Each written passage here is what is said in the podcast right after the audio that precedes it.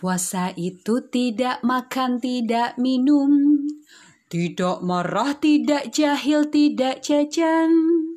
Jika waktu berbuka, makanlah seadanya tadarus tarawih, janganlah lupa.